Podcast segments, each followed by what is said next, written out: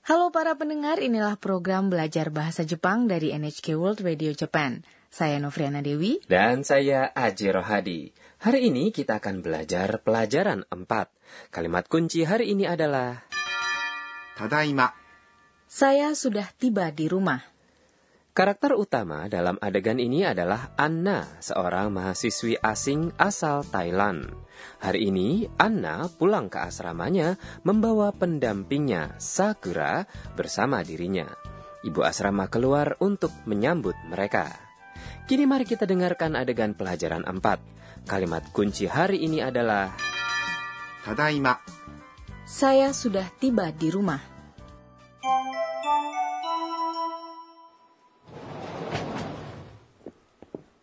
ただいま。お帰りなさい。こんにちは。あなたも留学生ですかいいえ、私は留学生ではありません。日本人の学生です。 Nah, mari saya jelaskan mengenai adegan tadi. ただいま、 Ini adalah kalimat kunci hari ini. Anna mengucapkan ini segera setelah masuk lewat pintu depan asrama kan ya? Benar, ただいま、 adalah salam yang Anda ucapkan saat tiba di rumah. Tadaima adalah kependekan dari kalimat yang berarti saya baru saja tiba di rumah. Orang Jepang selalu mengatakan ini saat tiba di rumah. Ya, memang. Kemudian sang ibu asrama menjawab, おかえりなさい、 Selamat datang kembali. Ini adalah salam untuk menyambut kembali orang yang baru saja pulang.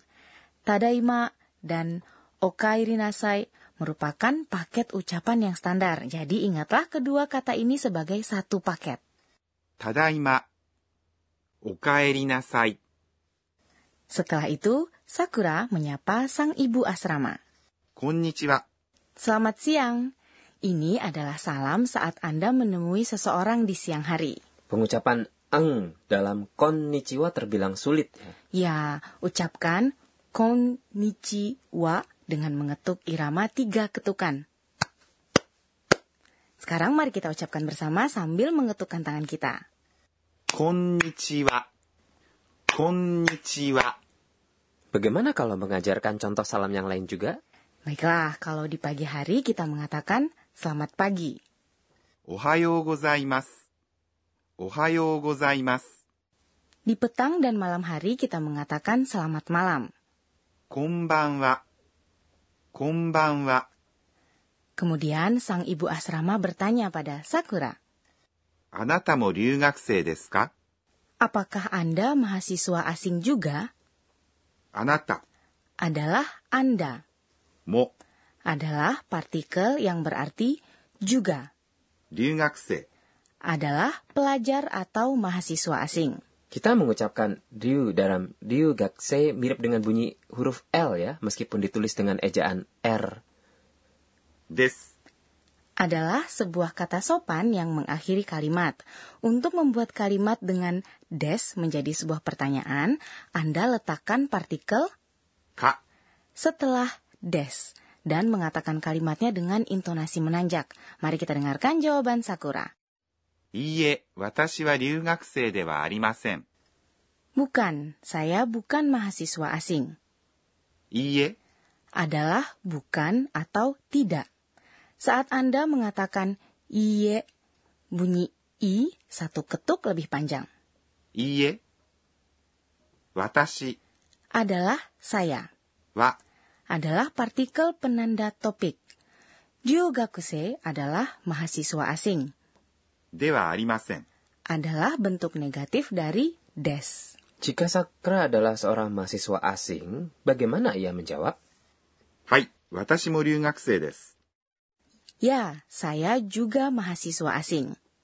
はい、 Ya adalah jawaban afirmatif terhadap pertanyaan. 私も留学生です。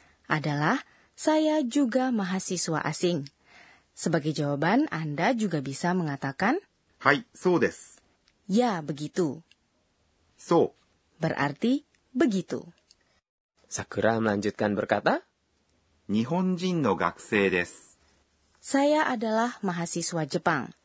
Dalam kalimat ini, watashi wa yaitu topiknya dihilangkan karena sudah jelas dari konteksnya. Sakura mengatakan watashi wa tepat sebelum kalimat ini. Jadi terdengar lebih alami untuk tidak mengatakannya lagi di sini.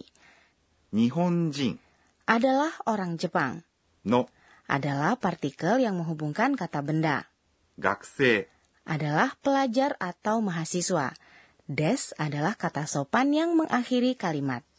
Kata benda Nihonjin yang diletakkan sebelum no menerangkan kata benda lain gakse, pelajar atau mahasiswa. Betul kan ya? Ya, betul. Sakura mengikuti kursus pelatihan guru bahasa Jepang di universitasnya. Keinginannya adalah untuk mengajar bahasa Jepang di luar negeri. Bahasa Jepang adalah 日本語 kita menambahkan 語 bahasa setelah Nihong atau Jepang. Sekarang mari kita dengarkan adegan pelajaran 4 lagi.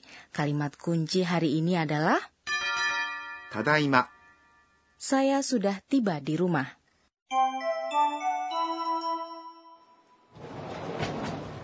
「ただいま」おかえりなさい。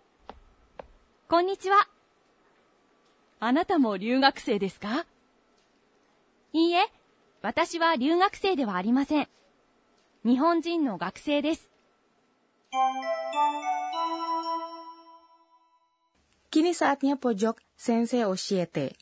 Penyelia program ini, Profesor Akane Tokunaga akan mengajarkan kita poin pembelajaran hari ini. Hari ini kita akan mempelajari kalimat negatif. Watashi wa ryugakuse dewa arimasen. Mohon ajari kami bagaimana membuat kalimat negatif dalam bahasa Jepang. 私が教えましょう Ia mengatakan, Mari saya jelaskan ini dengan sebuah kalimat. Saya adalah orang Jepang. Saya adalah watashi. Dan orang Jepang adalah nihonjin. Jadi kalimat saya adalah orang Jepang adalah sebagai berikut.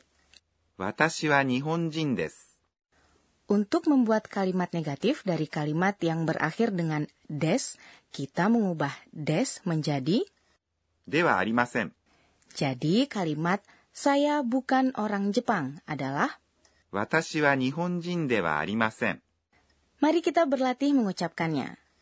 私は日本人ではありません Dalam kalimat ini jika Anda mengubah では menjadi じゃ Anda terdengar lebih santai. Jadi saya bukan orang Jepang 日本人ではありません menjadi 日本人じゃありません Itulah tadi pojok Sensei Oshiete. Selanjutnya adalah pojok kata tiruan bunyi yang memperkenalkan onomatope bahasa Jepang, yaitu kata-kata yang menyerupai bunyi, suara, atau perilaku. Pertama, mari kita dengarkan suara ini. Itu suara orang membuka pintu geser ya. Ya, dalam bahasa Jepang kita menggambarkan suara ini sebagai ガラガラ kita juga menggunakan ガラガラ untuk menggambarkan bagaimana sesuatu roboh dan jatuh. Berikutnya satu kata bagi suara saat pintu ditutup adalah バタン Pintu ditutup adalah batan. Saya rasa saya mulai mendengar suaranya. Tapi kalau saya menutup pintu dengan lebih perlahan. Itulah tadi pojok kata tiruan bunyi. Kata tiruan bunyi untuk hari ini adalah ガラガラ dan. バタン Sebelum menutup perjumpaan, Anna mengingat kembali kejadian hari ini dan membuat catatan. Inilah pojok catatan si Anna. えーっと今日は Saat Sakura masuk ke asrama dan melepas sepatunya, ia membalik arahnya dan meletakkannya dengan rapi di depan pintu masuk. Saya akan melakukannya saat saya mengunjungi rumah orang nanti. Apakah Anda menikmati pelajaran 4? Kalimat kunci hari ini adalah ただいま saya sudah tiba di rumah. Sampai jumpa.